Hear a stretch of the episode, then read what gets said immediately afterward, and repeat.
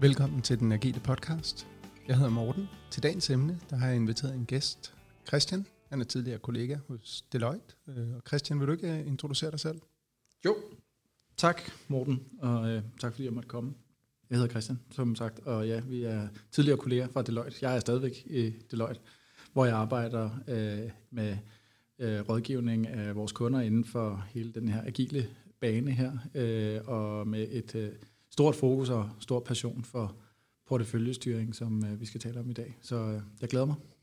Og Christian, øh, når du ikke sidder her i den varme stol, eller øh, arbejder med at rådgive kunder i Deloitte, hvad, hvad får du så tiden til at gå med? Jamen, øh, ja, i modsætning til, hvad mange tror, øh, så har vi jo overraskende meget fritid i, i, i konsulentbranchen. nej, nej øh, men, men, men der bliver der bestemt øh, plads til, til andre ting. Øh, jeg har to øh, skønne øh, piger, øh, to døtre, som, øh, som jeg bruger tid øh, sammen med. Jeg ved, at du har købt et sommerhus for ikke så lang tid siden. Hvordan går det med det? Har du fået, øh, har du fået renset tagerne, eller øh, og fået bugt med, øh, med invasive gæster? Øh, altså jeg har i hvert fald lavet et hegn. Øh, det er nu mest for at holde hunden inde, øh, men det har selvfølgelig også øh, den effekt, at det holder øh, rådyr og sådan noget ude. Øh, jeg ved egentlig ikke rigtigt, om, om, om det er så succesfuldt øh, med det, men så, så har jeg fået sat et øh, vildmarksbad op. Det skulle være så, så populært øh, at lave vildmarksbad øh, 10, 10 meter fra et velfungerende badeværelse. Ja. ja. Ja, men du ved det godt for dig selv. Ja, men det er, er, det, er det også der, sommeren skal tilbringes? Øh, I hvert fald en del af det, ja, mm. helt sikkert. Det, øh, det, er jo, øh, det, er jo, det kan jo føles kriminelt at rejse væk fra den danske sommer, hvis den arter sig. Enig. Ja. ja. Nå, men øh, velkommen til. Jeg er rigtig glad for, at du vil komme. Øh, for at sætte lidt flere ord på vores samarbejde, så, øh, så har vi fælles været med til at udvikle og drive Deloitte's offering på øh, Lean Portfolio Management og Agil Porteføljestyring. Så vi har haft lejlighed til både at levere på projekter sammen, men i virkeligheden også at diskutere nogle af de problemstillinger, der opstår, når vi taler Agil Porteføljestyring. Så jeg tænkte på, om vi ikke, øh, vi ikke skal prøve at udfolde det her emne i dag, og øh, trække lidt på vores øh, både fælles erfaringer og dem, som vi øh, hver især har, har oplevet efterfølgende. Jo. Men, øh, men for at komme i gang med emnet, kan jeg så ikke lokke dig, Christian, bare så jeg ikke skal tale hele tiden, øh, til at øh, fortælle os lidt om, hvad, hvad tænker du egentlig, at det her agil porteføljestyring er for noget? Jo, der, der er jo rigtig mange forskellige definitioner, og jeg tror ikke, at, øh, jeg, tror ikke, at jeg eller vi har øh, nødvendigvis fundet sådan øh, en, der er, der er perfekt. Øh, men den som, den, som jeg synes virker, øh, virker bedst, øh, det er, at, at porteføljestyring generelt øh, er et, et sæt af aktiviteter, som vi gør for at øh, maksimere øh, det udbytte, vi får af den investering, vi laver i forskellige udviklingsprojekter. Så kan det her agile ord komme på, tror jeg, af, af flere veje. Øh, oftest så tror jeg, det handler om, at vi skal være sikre på, at den måde, vi styrer vores portefølje på, til gode ser og allerhelst accelererer øh, alle de investeringer, vi gør i at være agile i den måde, vi leverer tingene på. Mm. Øh, så det tror jeg vil være den mest nærliggende øh, sådan grund til at putte, putte det agile ord på. Men, øh, men, men, men jeg synes også, at der er mange andre ting, når vi sådan dykker ind i det, og det ved jeg, at vi kommer øh, en masse tilbage til, hvor vi tager nogle lean og nogle agile tanker ind i den måde, vi arbejder øh, med, med porteføljestyring, simpelthen bare for at gøre det smartere, og de, de tanker øh, og principper, tror jeg, er anvendelige Øh, også selvom man ikke man nødvendigvis øh, har med en mm. portefølje af agile øh, leverancer at gøre. Mm. Helt enig. Øhm, så, så hvis man skal tale lidt om, hvad, hvad der, hvordan agil porteføljestyring adskiller sig fra, fra traditionel porteføljestyring, så er der i hvert fald noget med tidsperspektivet, der, der ændrer sig. Øhm, og det hænger jo også utrolig meget sammen med, hvordan vi, hvordan vi arbejder i organisationen. Så hvis man i organisationen forsøger at få højere grad af samtidighed for hvad vi, hvad vi udvikler, og hvornår vi beslutter det, så er man på, øh, på porteføljen jo også nødt til at tage stilling til de læringer, vi får løbende i udviklingen, og måske genbesøge din portefølje langt oftere. Mm. Øh, hvad, er din, hvad er din oplevelse af, hvor hyppig man, man laver aktiviteter i en agil setting i forhold til en traditionel setting? Det her princip med, at vi jo ikke ved, hvad vi ikke ved øh, de ubekendte ubekendte, der kan ligge i en kompleks verden, som øh, jeg tror, vi anerkender, at vi er i, når vi ligesom vælger den agile tilgang. Øh, så prøver vi at adressere en eller anden grad af kompleksitet og uforudsigelighed. Øh, hvis vi ligesom skal huske på den, i den måde, vi laver porteføljestyring øh, på, så, så er det her klassiske sådan exception-based øh, escalations og så videre, hvor at, øh, hvis vi ikke hører noget, så går det godt. Mm. Den, den, den holder jo ikke helt. Mm. Uh, så jeg tror, der er, altså, der, der er et, et øget behov for, at vi ligesom samles omkring uh, substansen og, uh, og kigger efter, om det går sådan, som det, uh, det, det skal, netop for ligesom at få uh, de udfordringer, som vi måske ikke havde forudset, eller ikke havde tænkt over at spørge om, for dem frem i lyset. Mm. Og der ser jeg, at vi skal, vi skal nok uh, kigge på at mødes en gang om måneden. Ja. Sjældnere, så, så, så, så bliver det svært at holde følingen. Mm. Så det er jo i hvert fald en, en radikal ændring for, hvordan mange øh, virksomheder, der har en lidt mere traditionel øh, porteføljestyringsfunktion, øh, de opererer. Der, der ser vi typisk, at man har en eller anden form for årlig rull af projekter, og mm. måske genbesøger man øh, i de organisationer, der der har i gang sat den agile rejse, måske genbesøger man den øh, prioritering i en øh, kvartalsvis basis. Men, øh, men når vi taler lean portfolio management eller agil porteføljestyring, så prøver vi i virkeligheden at skabe et højere grad af connect mellem strategi og det, der udvikles i teamsene, men også den værdirealisering, vi, øh, vi opnår ved de, øh, ved de udviklingsaktiviteter, vi udfører. Ja. Øh, men men ud over det her tidsperspektiv, hvad tænker du så, øh, hvad tænker du så, agil porteføljestyring skal være med til at løse for virksomhederne? Jeg tror i virkeligheden, at hvis man, hvis man tager den her tanke om, at det vi forsøger at udvikle er, er uforudsigeligt og har en høj grad af kompleksitet, og at det derfor ikke er særlig værdiskabende, at vi bruger en masse kræfter på at lave nogle udførlige planer, og så betragte det at holde sig til planen som en Øh, god måde at være i kontrol på. Hvis vi, hvis vi ligesom anerkender det, så er der rigtig mange ting, vi skal gentænke i hele den måde, vi forsøger at forberede, tilrettelægge, øh, eksekvere, øh, følge op på vores øh, udviklingsportefølje. Øhm, og det er ligesom, det er anerkendelsen af det uforudsigelige, mm. og tilpasning af alle vores processer til at håndtere den uforudsigelighed. Det er det for mig, der er kendetegnet ved, ved den agile måde at arbejde på. Mm. Noget af det, som jeg også har oplevet, der ikke, der ikke har været så overvældende fokus på i, øh, i mange organisationer. Både organisationer, som er, er overgået til højere grad af agil udvikling, men også den traditionelle organisationer. Det er, hvad får jeg ud af de aktiviteter, der ligger i, øh, i porteføljen. Øhm, og det ved jeg i hvert fald er et tema, du brænder utrolig meget for. Især værdispecificering, men også værdirealisering. Og, og jeg tænker helt sikkert, at det at have et, et fokus på fra porteføljens side, hvad får vi ud af de aktiviteter, vi investerer i? Øh, bidrager de til vores øh, strategi? Realiserer de den værdi, vi havde håbet på? Eller kunne vi have valgt et alternativ? Mm. Så, øh, så selvfølgelig øh, at, at, at genbesøge det løbende, men også i virkeligheden at blive skarpere til, hvordan specificerer, det, øh, specificerer vi aktiviteter up front. Ja. Så øh, hvor, øh, hvor, hvor, hvor ser du det væsentligt adskille sig? Fordi det, det, vil der, det vil man jo også kunne argumentere for, at man gjorde i en traditionel porteføljestyring med Helt business sikkert. cases. Altså, når vi kigger i, øh, i, i business case, skabeloner og så videre, øh, øh, langt, langt, langt tilbage, så har det her jo været et emne, øh, som vi altid gerne mm. har vil øh, have styr på. Øh, og øh, altså, min oplevelse er, at øh, vi har givet op, fordi det er svært.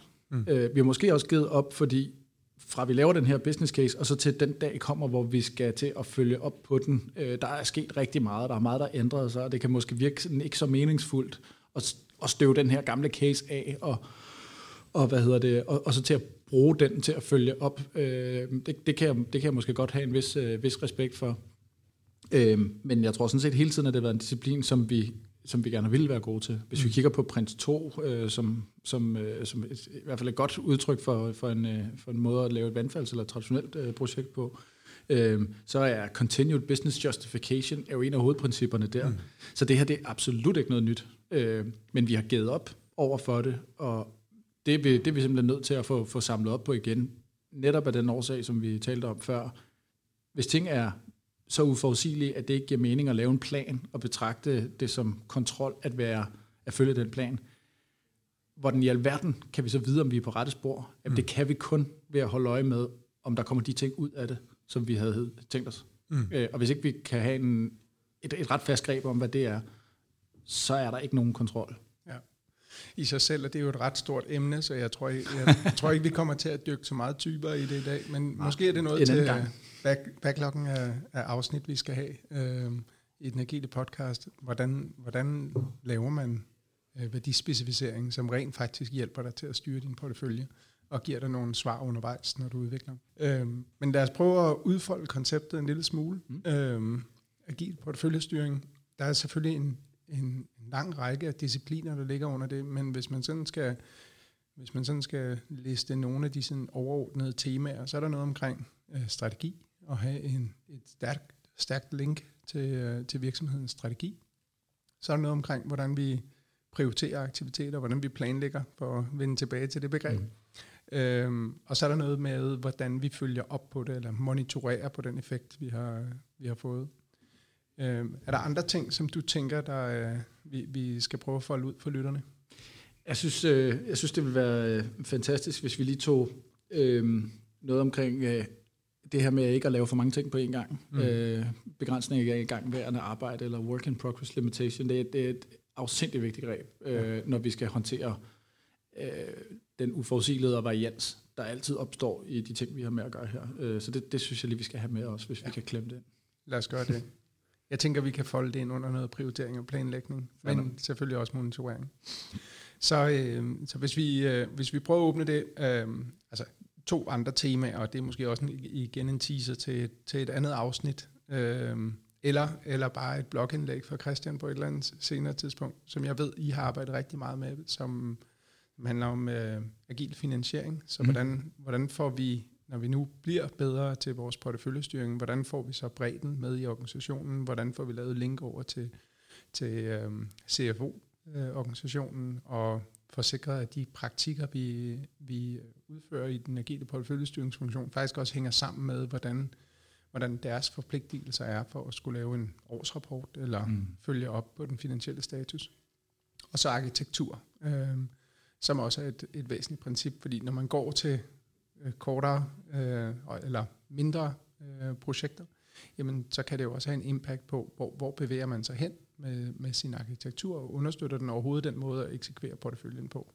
Øh, og hvordan, hvordan får man estimeret en, en god størrelse på sine aktiviteter.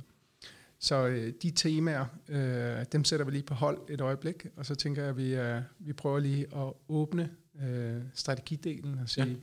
hvordan, hvordan gør vi så det? Hvordan arbejder vi i en agil porteføljestyringssætning med, øh, med strategien? Ja, jeg tænker måske at tilføje til, til, til den liste af ting, som mm. vi selvfølgelig øh, skal holde på hold, at øh, der hvor du har slået dine folder meget i, i den finansielle sektor, er der jo... Mm er det jo meget tydeligt, at, at de her øh, udviklingsporteføljer jo ikke i, eksisterer i isolation. De er underlagt en masse compliance, og mm. øh, øh, den offentlige sektor har en masse lovgivning, og øh, andre dele, alle industrier har deres eget sæt af, af ting, de skal, de skal, øh, de skal ligesom øh, leve efter.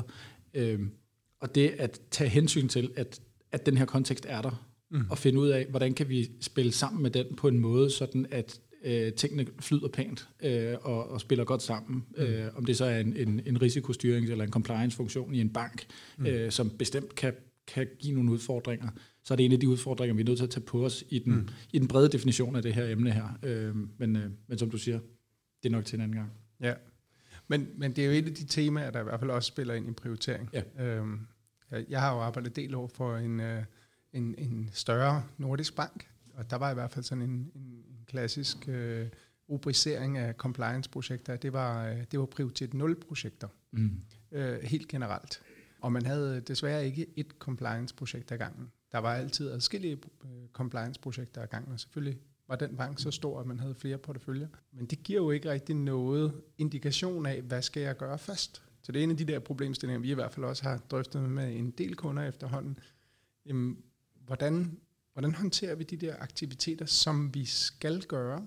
Vi kender øh, slutdatoen for, hvornår det skal være udført, så vi ved, at vi skal gøre det.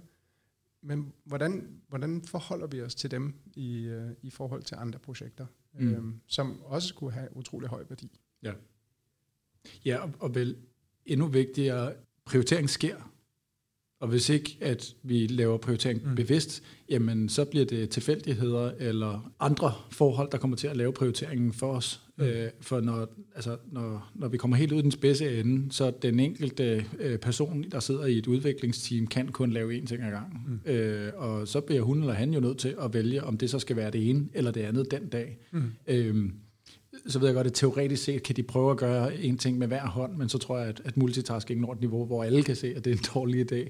Ja. Øhm, så øh, jeg synes, det, det, det er vigtigt at få sagt, at, at øh, prioritering, også selvom vi kan gøre det perfekt, også selvom vi tænker, uha, det er ikke nu, vi kan lave den store model for det her. Øh, prioritering sker, og det sker hele tiden.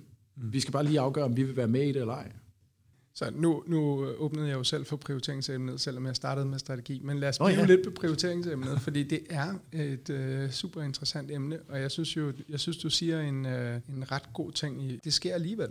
Altså det sker, uh, det sker uanset om, om man gør det fra et uh, porteføljeperspektiv, eller et programperspektiv, eller overlader det til teamet. Så, uh, så hvis vi gerne vil have et link ind til for eksempel strategien, mm. øhm, så, er vi jo, så er vi jo nødt til, der hvor strategien formes, og tage aktiv stilling til, hvordan ønsker vi så, at vores portefølje skal udfolde sig. Øhm, så når vi taler strategi øh, i en porteføljekontekst, øh, har du så nogle refleksioner omkring, hvordan, øh, hvordan, hvordan, hvordan arbejder vi med det? Ja, altså jeg synes det er, det er som, som, som du siger, øh, vi, skal, vi skal huske formålet. Mm. Altså formålet med at arbejde med strategi i portefølje, det er i virkeligheden, så vi kan, vi kan forstå, hvad er mere værdifuldt end noget andet, mm. sådan at vi kan sørge for at få lavet det først, eller lavet mest af, af, af det. Så det er simpelthen et udtryk for, øh, hvad er værdifuldt for organisationen. Mm. Øhm, og jeg, jeg synes, altså som konsulenter, øh, der, der kan vi også hurtigt være havne i sådan et, et kor af, af, af, af, sådan, af, af formdiskussioner mm. om, hvad, hvad er en god strategi, og hvad er en dårlig strategi, og, og så videre. Det, det tror jeg ikke rigtig hjælper, øh, hjælper nogen.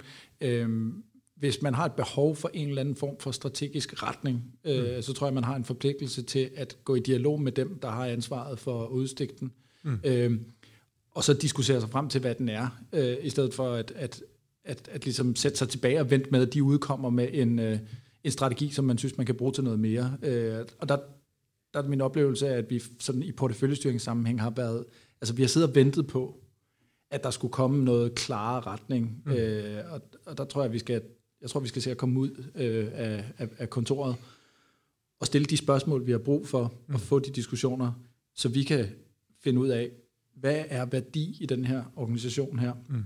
eller inden for det her strategiske tema, vi, vi nu øh, skal prøve at fremme. Øh, hvad, hvad vil vores ejere, eller vores øh, direktion, eller hvem vi nu forholder os til, hvad vil de gerne have ud af de her øh, 150 millioner, eller hvad, hvad de nu investerer i udviklingsporteføljen?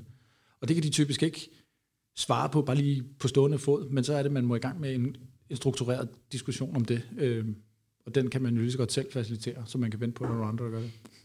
Ja, og der findes jo masser af, af, af rammeværk, der understøtter det. Øh, vi har selv brugt øh, sammen, med, når vi har undervist i øh, Lean Portfolio Management Safes øh, kursus inden for det her område, et, øh, et billede, som du har tegnet en gang med, øh, med, et, øh, med et fra- og tilbillede, og i virkeligheden deltaget imellem de her fra- og tilbilleder og begynder at informere os omkring, hvad er det så for nogle aktiviteter, vi skal have i udviklingsporteføljen. Øhm, eller ikke nødvendigvis for nogle aktiviteter, vi skal have, men hvad, hvad er det for nogle målsætninger, vi ønsker at opnå med det arbejde, vi laver i udviklingsporteføljen. Og det guider jo så vores, øh, vores prioritering. Øhm, så, øh, så der er jo nogle værktøjer, vi bruger, øh, og vi lader informere alle de her informationer, vi får fra, fra strategien. Der er nogle værktøjer, vi bruger til at, at prioritere i en agil verden. Øhm, og en af dem, som, øh, som jeg er meget, meget glad for, det er Cost of Delay. Øhm, og den har vi i hvert fald sammen været med til at introducere hos mere end en kunde. Øhm, men, men hvad er det, når vi taler Cost of Delay, hvad er det egentlig, den, øh, hvad er det, den løser for virksomheden? Hvad er det, den hjælper dig til at tage stilling til?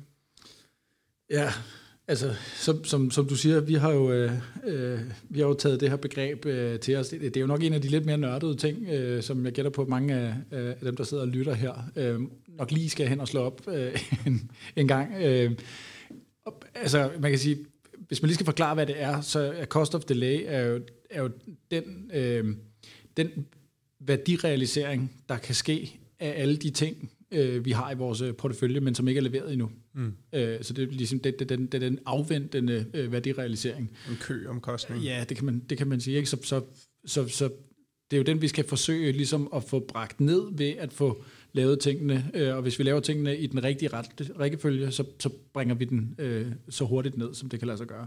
Øh, og, og så kan man jo godt spørge, hvorfor i alverden skal vi have så kryptisk et begreb omkring det her? For mig er det her et spørgsmål om, at cost of delay, kan, vi kan konvertere stort set alt, alle de forskellige prioriteter omkring et, øh, hvad det koster at udvikle et produkt, eller hvad øh, det koster at gennemføre en eller anden proces. Øh, det kan vi konvertere til en indflydelse på det her cost of delay. Og på den måde så bliver det en god fællesnævner mm. øh, for en række beslutninger, der ellers måske ville være sådan lidt øh, øh, pære bananer og sammenligne. Mm.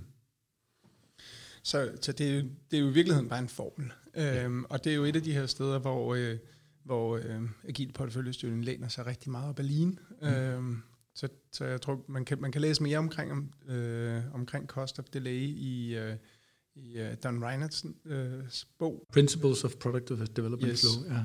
ja. Jeg ved ikke, om jeg vil direkte anbefale at læse den bog. Man skal i hvert fald have... Den, den er skrevet som sådan en klassisk amerikansk bog med rigtig, rigtig mange sider i. Der er et højt likstal. Han, han kommer altså rigtig godt omkring nogle af de principper, der er for at få et bedre flow i din uh, produktudviklingsorganisation. Ja. Helt sikkert. Uh, Don Reinerson er en uhørt begavet mand, øh, og det kan man godt se i den måde, han skriver på. Mm. Øh, man skal altså holde tungen lige i munden, når man læser den. Øh, på øh, Scaled Agiles øh, øh, univers, der kan man finde en lidt mere kalorielet øh, variant af Cost of Delay, der bestemt øh, er også er brugbar. Og så kan jeg, øh, når vi er ved anbefalinger, øh, sige, at, at øh, Don Risen besøger faktisk Danmark øh, øh, relativt ofte, mm. øh, og, øh, og holder nogle, øh, nogle to-dages masterclasses, øh, og hans stof er markant nemmere at tage til sig, når man hører ham forklare det, øh, fordi han er faktisk en rigtig, rigtig god underviser. Øh, så hvis man gerne vil øh, kigge mere i den retning, så kan jeg øh, anbefale, at man vælger øh, hans masterclass i stedet for, i stedet for bogen. Ja. så, øh, så de her værktøjer, de hjælper os til at, at i virkeligheden få måske nærmest force-ranket vores øh, portefølje, så vi ved, hvad er det egentlig, der er øverste prioritet, om det er compliance eller en eller anden form for øh, øh, nyt produkt, der skal launches i markedet. Øhm, selvfølgelig er det sådan, at når vi bruger en formel, når vi prøver at kvantificere den proces, jamen så er det bare et input til diskussioner. Der er en masse andre temaer, der bliver, der bliver væsentlige for prioriteringer, øh, men også for planlægning af det. Mm. Øhm, så jeg tænker, noget af det, vi har i hvert fald brugt meget energi på at diskutere sammen, det er det hele kapacitetsstyringsbegrebet, og også capabilities i, i din organisation, eller mm. capabiliteter, for at vælge den flotte danske øh, oversættelse. Men altså, hvad er, det, hvad er det, organisationen i virkeligheden er i stand til at levere? Mm. Øhm, og det input kommer jo bedst ved en diskussion. Ja, så som du siger, den her forced ranking, altså hvis man bruger et eller andet struktureret værktøj, så er det ikke fordi, man skal tvinge sig selv til at, at, at gå fra mødet igen med det. Øh, men øh, øh, som jeg ved, altså, du også praktiserer i rigtig mange sammenhænge, hvis man, hvis man ligesom tvinger en prioritering ind fra starten af, så er man ligesom nødt til at have en diskussion, hvis man mm. gerne vil lave om i den. Mm. Så det er bedre at starte med et eller andet udgangspunkt, man kan diskutere fra, end at starte med, at alting har prioritet 0, eller prioritet 1, eller et eller andet andet. Øh, for det betyder i virkeligheden, at intet er prioriteret. Mm. Øhm, og synes jeg, man skal minde sig selv om, at udgangspunktet, hvis man ikke prioriterer, det er at vi typisk vil prøve at gøre tingene enten i en tilfældig rækkefølge, mm. øhm, eller prøve at gøre rigtig mange ting på én gang, hvilket typisk resulterer i, at alting kommer senere.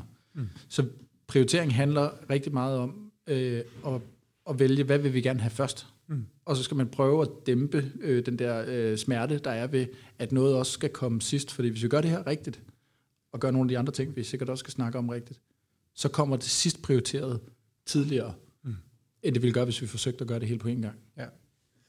Øhm, og jeg tænker, det er en meget god segue til mm. i virkeligheden at uh, tale planlægning, men måske også noget, som i hvert fald jeg forbinder med planlægning på et porteføljeperspektiv, det er, at vi får visualiseret vores portefølje, og vi begynder at arbejde med det, vi kalder et porteføljekanban. Så vi har et, et billede af, uh, et visuelt billede af vores portefølje på, hvor ligger de forskellige aktiviteter? Hvad er på vej ind i, i porteføljen? Altså, hvad er det, der opstår som idéer?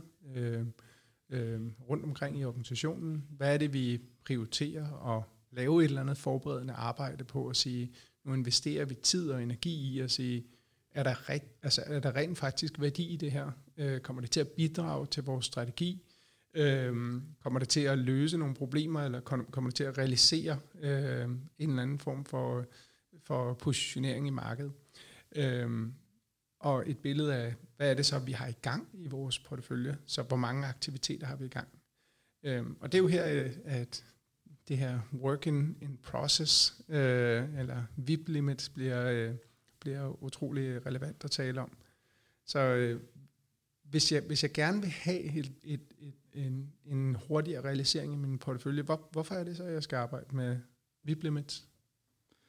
Altså den, den, den, den mest nærliggende forklaring i hvert fald, er, at hvis du laver ting, øh, nu taler vi nogle gange om de her sådan kortere og tynde versus de, øh, eller kortere og tykke versus de, de lange og, og, og tynde. Mm. Hvis vi laver mange ting på én gang, øh, så, så må vi alt andet lige smøre vores ressourcer og vores tidsanvendelse øh, tyndere ud, og så vil alle de ting, vi forsøger at gøre på en gang, blive, blive senere færdige. Mm. Hvis, vi kan, hvis vi kan, og det er jo ikke altid, man kan det, koncentrere alle vores kræfter om én ting, så bliver den ting hurtigere færdig. Og så kan vi lige så godt med det samme sige, ja, selvfølgelig er der en grænse for, hvornår der kommer for mange kokke, øh, og at det ikke længere er øh, sådan et, et, øh, et positivt return to scale, vi har, når vi propper flere folk på. Mm.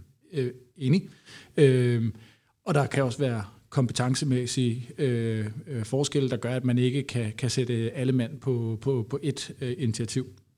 Men man kan altid sætte ret mange på øh, og typisk også mange, mange flere, end hvad der er tilfældet. Mm. Og hvis man gør det, så bliver den ting hurtigere færdig. Mm. Og hvis man så har gjort det, vi lige har talt om, og prioriteret, så man ved, hvad er det, hvad er det der er det mest værdifulde at få færdigt først, øh, så er der også rigtig god økonomi i at, at lave den øvelse, og sørge for at få det gjort færdigt, så det kan komme ud og skabe den værdi så hurtigt som overhovedet muligt. Så det, det, er, den, det er den primære øh, årsag, øh, eller den mest nærliggende, øh, som sagt. Øh, bag ved det, der gemmer der sig nogle andre af de her sådan lean øh, øh, problematikker her, at når vi, øh, når vi har et, et, et miljø, hvor vi forsøger at gøre rigtig mange ting på én gang, har rigtig mange bolde i luften, øh, og at de bolde har en meget uforudsigelig måde at bevæge sig på, øh, så får vi et meget uhåndterbart øh, monster at, øh, at, at styre. Og øh, ja, vi har brugt de her trafikmetaforer så meget, så man er jo ved at kaste op af dem. Men det kommer til at minde om en, en, øh, en, en, en proppet øh, motorvej. Øh, der er simpelthen for mange biler på. De mister evnen til at kunne navigere i forhold til hinanden, og så sætter tingene sig fast mm. og, og, og går i stå. Og den tilstand, den tror jeg, at faktisk de fleste porteføljer befinder sig i, mm. hvis, man, hvis man kigger efter altså en eller anden form af for, for køkørsel. Altså jeg har i hvert fald været med til at se flere, flere eksempler, hvor en, en portefølje planlægger deres øh, arbejde i, i løbet af forsommeren. Der begynder man at indsamle idéer. Så, øh, så øh, er der en refining over, over sommeren, hvor man, hvor man specificerer måske yderligere og får lavet gode business cases på det, og så beslutter man, og så øh, 1. januar, så releaser vi så penge til den portefølje. Mm. Og så sætter vi måske øh, 10 eller 20 eller 30 projekter i gang, Øhm, og det, der sker nogle gange, eller for rigtig mange organisationer, det er, at, at der har været overløb for tidligere års projekter. Så når man går i gang med at efterspørge ressourcer, jamen så er de måske allerede bundet på andre opgaver, mm, eller ja. man stjæler dem for de opgaver, og man kommer med en, en velsignelse fra et uh, porteføljekontor, hvor man siger, vi har ret til den her ressource, vi starter vores projekt nu. Og det kommer man så for de her 10, 20 eller 30 projekter og beder organisationen om. Så der opstår naturlig flaskehalse i organisationen, øhm, og, og man tvinger de facto medarbejdere til at multitaske øh, og, og give, øh, som, som mange måske kender, det her øh, 10% til øh, 10 forskellige projekter. Mm. Øhm, så, øh, så det er jo også effektivt til at behandle de køer, og i virkeligheden måske også identificere nogle af de køer, du har i dit system. Øhm, fordi de fleste organisationer slipper ikke af, hverken øh, når de øh, opererer agilt eller traditionelt, slipper ikke af med flaskehalse. Der er som regel nogen i organisationen, der er, der er afgørende for, at vi leverer gode produkter eller gode løsninger, eller har høj stabilitet på vores, øh, på vores produkter. Øhm, men, men det, det i hvert fald gør os i stand til, det er både et, at se dem, og to, også få kanaliseret arbejdet på en, på en måde ind til de flaskehalse, så de har muligheden for at gøre ting færdige øh, ja. og afslutte projekter. Ja. Og det er, jo, det er jo der, i den her, hvor vi, hvor vi skal huske det her sådan øh, flow gennemstrømningsbegreb, øh, og de, de vilkår, der gør sig gældende omkring det. Vi kender alle sammen det, når man vælger en flaske på hovedet. Øh, hvis man gør det i et ryg, så, så, så klukker vandet ud, mm. øh, og, og kan i virkeligheden ikke sådan rigtig gerne komme igennem øh, flaskehalsen særlig effektivt. Men hvis vi kan, hvis vi kan hælde den i den rigtige vinkel, så kan vi få øh, tingene til at glide, altså at der opstår et flow. Og det er lige præcis det, vi forsøger, altså at, at vi ikke lægger så meget pres på de her flaskehalse, mm. så det danner propper, og tingene stopper helt op. Øh, det, vi, kan, vi kan få meget mere forbi flaskehalsene, hvis vi er bevidste omkring, sådan, hvilken, hvilken gennemstrømning der er omkring mm. dem. Og det bliver sådan lidt, det kommer til at lyde sådan lidt, lidt mekanisk. Jeg vil tage vores ord for det. Ja. Det er, de her analogier er faktisk overførbare. Ja. Noget af det, jeg godt kan lide at kalde det en gang imellem, det er, det er bare magi. øhm, og, og det er ikke fordi, det er ikke magi. For meget af det er simpel matematik, mm. og hvis man øh, er lige så skør som mig og har læst polit, så, øh, så har man også læst øh, operationsanalyse og køteori. Øhm, og så kan man regne sig frem til det, men, men man kan også bare acceptere det, fordi det er gængse principper, og det er ikke noget nyt. Hvis man, hvis man er glad for sådan nogle øh, øh skønlitterære møder, faglitterære øh, øh, bøger, så, så kan man jo eventuelt læse øh, The Goal øh, af Goldratt, øh, som, som i virkeligheden beskriver det her også på et, øh, et fabriksgulv øh, i ja. Nordamerika. Ja. Og ellers så synes jeg, at man, man, hvis ikke man, man prøver det tit nok, øh, så kan man jo prøve at besøge nogle af vores indfaldsveje til de større byer i Danmark øh, omkring øh, klokken 8 om morgenen eller klokken 3-4 stykker om eftermiddagen, øh, og spørge sig selv, hvorfor er det, at der er øh, en høj udnyttelse af asfalten, hvorfor bevirker det, at hastigheden den går fra de 90 eller 110, man normalt må køre der, mm. og så ned til 15 km i timen? Og hvis man hvis man enten kan regne sig frem til det med matematik, som du gør, Morten, eller bare kan konstatere, at sådan er det, mm. så kan man i hvert fald tage den viden med sig hjem og sige, sådan er det altså også i din udviklingsportefølje mm. i, i butikken. Vi har i hvert fald set det flere steder. Må man sige. Det virker. øhm, en, sidste, en sidste ting, jeg lige vil komme ind på her omkring sådan koncepter, øh, for, for tiden går jo, og det gør, det jo, det gør den jo altid, når man er i et godt selskab og har et godt emne at diskutere. Jeg er glad for, at det er dig, der skal styre den. Ja, øh, jeg tænker, vi skal tale en, bare en lille smule om uh, monitorering, før vi hopper over i at tale lidt om nogle af udfordringerne ved at implementere mm. agil porteføljestyring. Øh, så, så monitorering er jo også et af de temaer, som vi godt kunne tænke os at måske sker lidt mere hyppigt, øh, og gøre os i stand til at tage stilling øh, til, til det, vi har i, i gang i porteføljen. Og øh, sådan et rammeværk som SAFE taler om leading indicators. Hvad er dit, hvad er dit forhold til det? Ja, vi, vi, vi, bruger dem, vi bruger dem for lidt, og det er tilbage til diskussionen omkring øh, gevinstrealisering øh, og gevinstspecificering. Vi er jo ikke klar over i tilstrækkelig specifik grad, hvad det er, vi gerne vil have, der skal komme ud af de investeringer, vi foretager, mm. typisk. Og dermed så fratager vi jo også os selv muligheden for at måle og følge op på, om vi, om vi rent faktisk lykkes. Øh, og det er jo, ja, som, som vi har nævnt nogle gange nu, det er jo et af hoved, hovedproblemerne, vi er nødt til at arbejde noget mere med. Øh, så øh, når, vi, når vi kan komme ind i det, øh, og, og det kan vi altid, hvis vi vælger at gøre det, ikke? Øh, jamen, så er, der, altså, så er der nogle fantastisk stærke muligheder, øh, blandt andet i at overveje det her med leading og lagging indicators, altså hvad er det for nogle ting, der kan give mig hurtig feedback, øh, og hvad er det for nogle, nogle, nogle øh, nogle ting, som, som der sådan ultimativt skal komme, komme ud af det, og hvordan hænger de, hænger de sammen? Mm. Øh, det er altså de steder, hvor at det der det bare begynder at virke, hvor der bare bliver gjort en lille smule for det, så accelererer det teamens forståelse af, hvad er det egentlig, vi laver. Mm. Øh, den feedback, man kan få, og sige, virker det her, eller virker det ikke? Øh, og og det, det går jo aldrig, som præsten prædiker. Vi får altid overraskelser, og de overraskelser, dem kan vi altså kun få, hvis vi giver os selv en eller anden form for, for feedback, øh, og så kan vi komme i gang med at korrigere. Øh, så øh, ja, det, det gør vi for lidt. Ja. Ja, så leading indicators er jo i virkeligheden et, et redskab, der gør os i stand til at tage stilling, øh, mens vi udvikler, om vi får bevist den hypotese, vi har. Altså, øh, hvad, det vi ønsker at opnå med at gå i gang med den her udvikling, så, så sætter vi en eller anden hypotese. Hvis vi gør det, så opnår vi det Præcis. her. Og det ja. tror vi på, at de her, de her årsager. Og når vi udvikler, kan vi se det ved, at de her aktiviteter sker, eller den her værdi realiseres. Ja. Så derfor sat nogle leading indicators, øh, gør i virkeligheden, at øh, gør, gør dig i stand til at styre din portefølje løbende, frem for at gøre det retrospektivt. Mm. Men som du siger, Christian, så er lagging indicators er, er jo også fortsat relevant. Det er jo dem, vi har historisk arbejdet med. Når vi er færdige med det her projekt, så realiserer vi en, en mm. stigende salg på 100 øh, millioner. Men hvis ikke vi har set det undervejs, så risikerer vi bare at stå med et færdigt udviklet produkt, som ikke realiserer det, vi havde håbet på. Ja. Øhm, og worst case øh, realiserer det slet ikke noget, og dermed har hele udviklingsprocessen været spildt. Ja.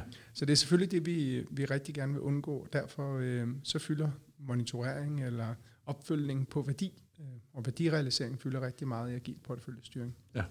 Det gør det også i traditionelt, men vi prøver at, gøre, vi prøver at introducere noget af den her samtidighed, som vi også har i teamet. Ja, og så jeg tror i traditionel øh, styring, så er der det her, der er et, et fint engelsk begreb, der hedder conformity to plan, jeg ved ikke rigtig, hvad vi skal kalde mm. det på dansk, med et eller andet med øh, planoverholdelse, som er, er så styrende. Øh, så det vi i virkeligheden følger mest op på i traditionelle porteføljer, det er forbrugerprojektet, initiativet, øh, sit budget i det tempo, som vi havde regnet med. Mm. Det, det, er, det udgør 80% af øh, porteføljerapportering, øh, de steder, jeg har øh, set det i hvert fald. Øhm, og det er en forfærdelig indikator mm. for øh, projektsucces. Øh, der er altså, vi, vi kan påvise, at der ikke er nogen som helst korrelation mellem, at tingene går, som de skal, ifølge øh, omkostningsforbruget, mm. og så om projektet leverer værdi. Øh, der er sågar undersøgelser, der peger på, at det modsatte er tilfældet. Mm. Altså, at jo, jo mere, at de rent faktisk bare koncentrerer sig om at, at, at holde planen, øh, jo mere har de måske en tilbøjelighed til at miste øjet på, hvad er det egentlig, vi skal ud af det her. Mm. Øh, det skal jeg ikke øh, gøre mig klog på. Jeg ved bare, at, at matematikken taler sit tydelige sprog. Der er ikke nogen sammenhæng, og hvis der er en sammenhæng, så er den i hvert fald ikke positiv. Nej. Så øh, når man kommer i gang med at implementere øh, agil porteføljestyring, hvad, hvad er det så for nogle udfordringer, vi, øh, vi støder ind i? Øhm, jamen jeg tror, den første og hyppigste udfordring er, at øh, vi, øh, vi mangler et sted, hvor vi ligesom kan få nogle hænder til at, at tage kærlig hånd om, øh, om de her ting her. Øh, mm.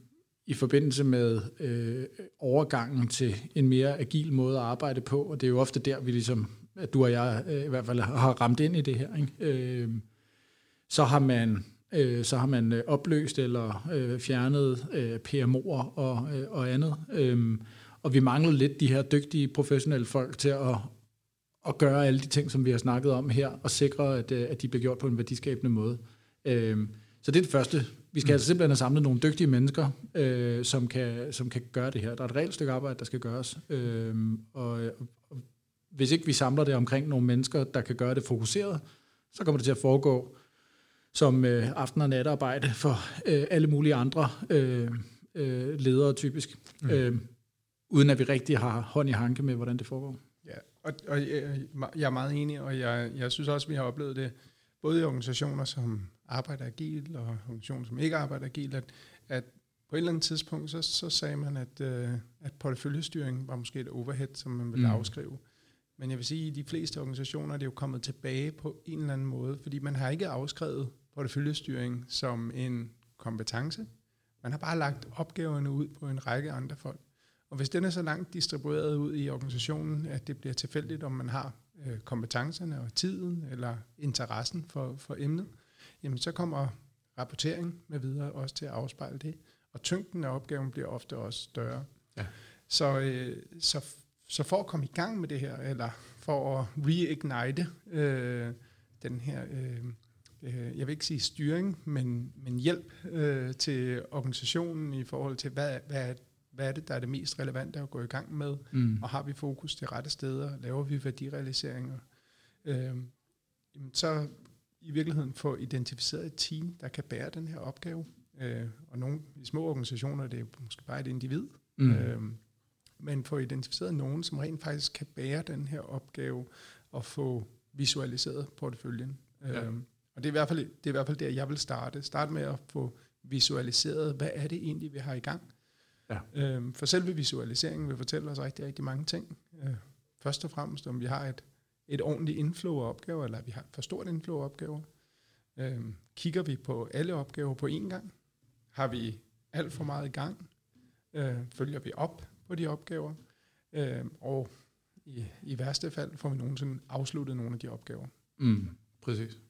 Det er i hvert fald øh, øh, det, det der, jeg vil øh, åbne op. Så øh, hvis man hvis man gerne vil i gang med, med det her ude i, i, i jeres organisationer, jamen så, så handler det i virkeligheden nok om at starte med at få erkendelsen af, at det her er en opgave, der skal udfyldes. Og hvis det er en opgave, der skal udfyldes, så sætter vi også øh, kompetencer og ressourcer og øh, mennesker bag den her opgave.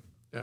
De organisationer, som bruger betydelige beløb på forandrings- og udviklingsprojekter, de vil skulle gøre de her aktiviteter, som vi har talt om her, i større eller mindre grad, mm. uanset hvad. Mm. Øh, så når man sidder og overvejer, om man vil investere i at gøre dem, øh, så, så er det ikke et spørgsmål, om man vil gøre dem eller ej, det er et spørgsmål, om man vil gøre dem ordentligt mm. eller ej. Øh, og ja, mange af de steder, hvor vi har været, der er det jo store, øh, øh, mange cifre, millionbeløb, der bliver brugt på udvikling.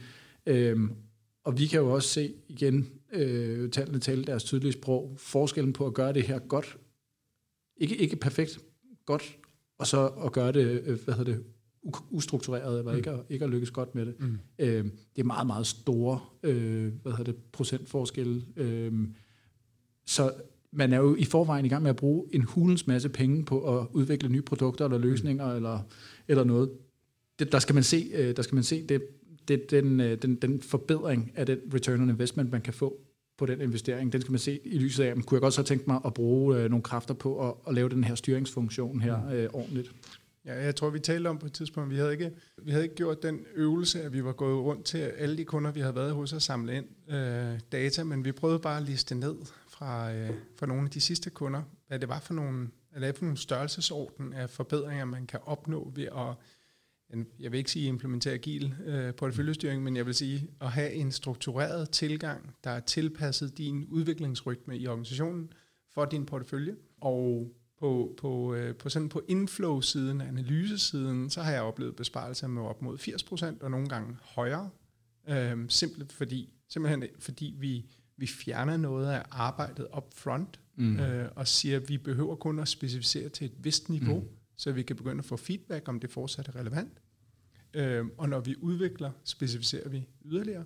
Jeg har set forbedringer med, med VIP limit på 20-30 procent, øh, og med prioritering af din, din portefølje øh, har, vi set, øh, har vi set forbedringer også i, i samme størrelseorden, 20-30 procent, øh, ved rent faktisk at, at, at, at følge din prioriterede rækkefølge, mm. så vi får, vi får den realiserede værdi hurtigere ud det favoriserer selvfølgelig, når man, når man bruger cost of delay eller andre værktøjer, øh, som understøtter agil udviklingsmetode, så favoriserer det små opgaver. Mm. Øh, men det er jo også det, vi ønsker i teamsene. Øh, vi ønsker at understøtte, at vi nedbryder og høster værdi hurtigt. Øh, så, så jeg tror, at der er i hvert fald der er sådan et udfordringsspace, som også er værd med at, at, at, at tale ind i, i jeres organisation. Kan I, kan I nedbryde opgaver? Ja, helt øh, sikkert. Og, og, og der, altså, du kan også kommentere på det, du har selv været med til et projekt for ikke så lang tid siden, hvor vi sad med en, en kæmpe platform, der skulle udvikles. Mm. Og der er jo der er nogle typer af opgaver, som, som er svære at nedbryde, øh, men betyder det, at man ikke skal gøre det? Præcis. Altså, den har jo, den har jo et slægtskab med gevinstspecificering. Ja, det er svært, mm. men det, det betyder bare ikke, at vi, at vi ikke skal gøre det. Mm. Øhm, og ja, helt tilbage, hvor vi begyndte at arbejde sammen med aller første gang øh, øh, oppe i, i, i, en, i en finansorganisation i, i Nordsjælland. Øh, der, der, øh, øh, der stod vi jo også med en masse ting, øh, hvor vi sagde, at det her det kan man ikke skære ud i små bidder. Øh, men øh, jeg synes også, at vores arbejde sammen der viste, at øh, hvis vi insisterer på det, så kan vi altid gøre det lidt bedre mm. end en stor klump. Mm. Og altså, den, den, den første gang, man skal en stor klump over, er jo i virkeligheden den, hvor man, hvor man vinder mest. Ikke? Mm. Øh, fordi hvis du skal den i to halve, så er det godt nok en, en meget stor buffer, du lige har givet dig selv mm. øh, i, i, i, til at, at, at, at håndtere noget usikkerhed. Mm. Du, øh, du får pludselig øh, noget værdi og noget indsigt i, om det her det virker, leveret efter halvdelen af den tid, mm. øh, som der ellers ville gå. Øh, og du har stadigvæk halvdelen af dit budget tilbage til at korrigere, hvis der skulle ske en overraskelse. Øh, så Øh, man skal ikke stoppe op og tænke, nej, men jeg kan ikke få det her skåret ud i noget, jeg kan levere på en uge og sådan noget. Nej, ro på. Øh, det kan godt være. Så start med at, at, at få det skåret ud i noget, du kan levere på et par måneder. Det er jo en voldsom forbedring, øh, der hvor man typisk starter. Ikke? Så jeg tænker i virkeligheden, at det bærer os meget godt over til at, at få lukket afsnittet lidt af her, øhm, fordi vi kunne godt blive et par timer endnu, og det, det kan godt være, at vi gør det, øh, men så bliver det ikke i den her optagelse. Men, øh, men start småt, Øhm, og det betyder ikke, at man ikke skal gribe an i de, de allerstørste projekter. Det, det, det kan vi godt, men, men der kan det godt være, at ambitionen ikke skal være, at det skal tilpasses til et sprint på to uger. Det kan være, at vi starter med at skære det over i, i to bidder, og gå fra 18 til 9 måneder, Øhm, er i hvert fald også en væsentlig forskel øh, i, hvad bruger vi projektet på, og hvornår får vi besked om det, vi laver, det rent faktisk er en succes. Og så, så kan man jo eksperimentere med, øh, med, med projektet senere hen, eller andre projekter undervejs. Kan vi, kan vi gå længere ned? Kan vi gå ned til tre måneder? Kan vi gå ned til en måned? Så vi får en, en diskussion hyppigere, og vi får hyppigere læring, om vi realiserer. Så synes jeg også, at øh, vi, har, vi har talt en del omkring det her øh, ejerskab øh, af opgaven, eller facilitering af opgaven. Mm. At vi rent faktisk prioriterer og sætte øh, ressourcer og kompetencer af til at, at lave det her stykke arbejde. Gevinsten er så stor, og det, at vi spreder det ud på flere mennesker, øh, gør bare opgaven større, og det gør, at det er sværere at koordinere mm. på tværs. Er der andre ting, som øh, du tænker, vi skal, vi skal tage med her? Jeg, jeg synes jo, at vores, øh, vores øh, diskussion omkring øh, prioritering var rigtig vigtig også. Ikke? Mm. Altså, øh, få nu taget ansvar for at få få, få, få taget stilling til, hvad det, vi, hvad det vi gerne vil lave først. Øh, for ellers er der altså nogle andre, der er nødt til at, at gøre det. Øh, og det fører måske ind til der, hvor du startede ikke med, med, med strategi, og, og det her med, at, at, at vi gerne vil have den strategiske, og dermed også den strategiske ledelse lidt, lidt tættere på den investering, de laver i udviklingsarbejdet, for at, at kunne reagere mere øh, hensigtsmæssigt og mere hurtigt på de øh, overraskelser, der ikke kan undgå at ske derinde. Hvis man også lige tager det med, at vi vil gerne vi vil gerne sørge for, at der bliver en tættere kobling øh, til, til, til, til, til den generelle ledelse af virksomheden og til, til strategien. Så vi er sikre på, at den her investering her, den bliver, den bliver forvaltet rigtigt og, og giver det udbytte, som den skal. Mm, helt enig. Sådan her på falderæbet, Christian, så vil jeg, så vil jeg sige tusind tak for, at øh, du vil deltage her. Og jeg, jeg er sikker på, at det her afsnit det er noget, der vækker noget interesse. Jeg synes i hvert fald, at det er et af de temaer, som vi hører hos hos rigtig mange kunder nu. Det begynder at, mm. for alvor at fylde noget. Jeg vil ikke sige, at det er, det er første gang, det opstår, men det begynder at brede sig mere og mere, efter flere og flere organisationer har set deres øh, agile initiativer brede sig ud i flere teams, og, og i nogen grad også gå på tværs af organisationen, så begynder porteføljen også at smage på, er der nogle af de her ting, vi kan arbejde med, er der nogle af de her ting, vi kan forbedre. Og øh, hvis du gerne vil lære mere, så er du selvfølgelig velkommen til at øh, række ud til Christian eller jeg. Vores øh, LinkedIn-kontakter ligger i øh, show notes, og der tror jeg også, vi lige kommer til at sætte et par links ind til, til nogle gode artikler, øh, I kan klikke ind og lade jer inspirere mere af. Ja. Og så håber jeg, at øh, jeg kan invitere dig igen øh, senere hen, når vi, øh, når vi har fået en masse input på øh, podcast at ugilic.dk, øh, som vi kan drøfte i, øh, i nær fremtid. Der er i hvert fald en masse temaer, vi godt kan udfolde. Det vil være en kæmpe fornøjelse. Tusind tak, Christian. Det var det, tak.